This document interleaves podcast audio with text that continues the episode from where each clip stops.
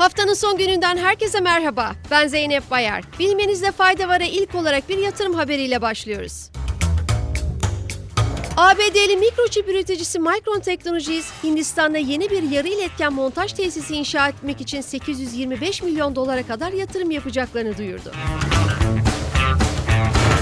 Açıklamada Micron'un yeni tesisinin yerel ve uluslararası pazarlardan gelen talebi karşılayacağı ve tesisin aşamalı inşaatının bu yıl başlamasını beklendiği ifade edildi. Tesisin ilk aşamasının 2024'ün sonlarında faaliyete geçmesinin planlandığı belirtilen açıklamada küresel talep eğilimleri doğrultusunda zaman içinde kapasitenin kademeli olarak artırılacağı aktarıldı. Sırada Twitter'a ilişkin ard arda iki haberimiz var. Kanada hükümeti ile Silikon Vadisi'ndeki teknoloji devleri arasında gerilim sürerken Kanada Senatosu'ndan yeni bir adım atıldı. Senato, Google ve Meta'ya platformlarında paylaştıkları haberler için medya kuruluşlarına ödeme yapma zorunluluğu getiren yasa tasarısını onayladı. Meta ise yaptığı açıklamada söz konusu yasaya uyacaklarını belirtti. Tasarının kraliyet onayını almasının ardından 6 ay içinde yürürlüğe girmesi bekleniyor. Şimdi Kanada'dan Avustralya'ya geçiyoruz. Avustralya, Twitter'da artan nefret söylemlerine 28 gün içinde müdahale edilmezse platforma 700 bin Avustralya doları ceza keseceklerini açıkladı.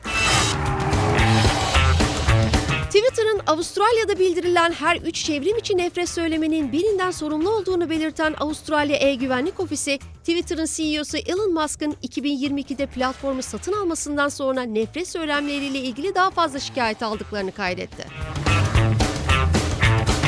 Öte yandan Birleşmiş Milletler'den Ocak ayında yapılan yazılı açıklamada Musk tarafından satın alındıktan sonra Twitter'da ırkçı terminoloji kullanımının artması kınanmıştı.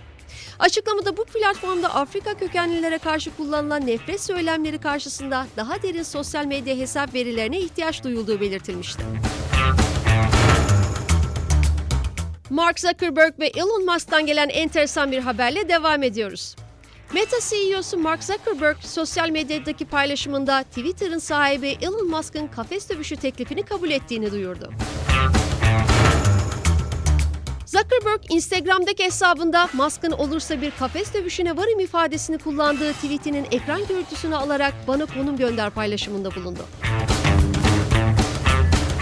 Hatırlanacağı üzere Twitter'ın sahibi Musk, Zuckerberg'ün Thread adlı verilen Twitter alternatifi metin tabanlı bir platform kuracağı yönündeki haberlerin ardından dövüş için meydan okumuştu.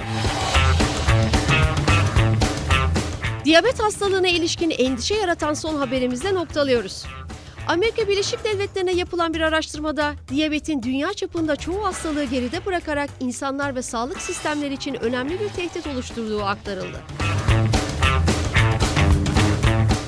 Önümüzdeki 30 yıl içinde dünya genelinde diyabet oranında bir düşüş görülmesinin beklenmediği aktarılan araştırmada 2021'de 529 milyon olan diyabet hastası sayısının 2050'de 1,3 milyarın üzerine çıkması öngörülüyor. Bugünlük bu kadar. Bayram tatili sonrası tekrar görüşmek üzere. Sağlık ve mutlulukla kalın.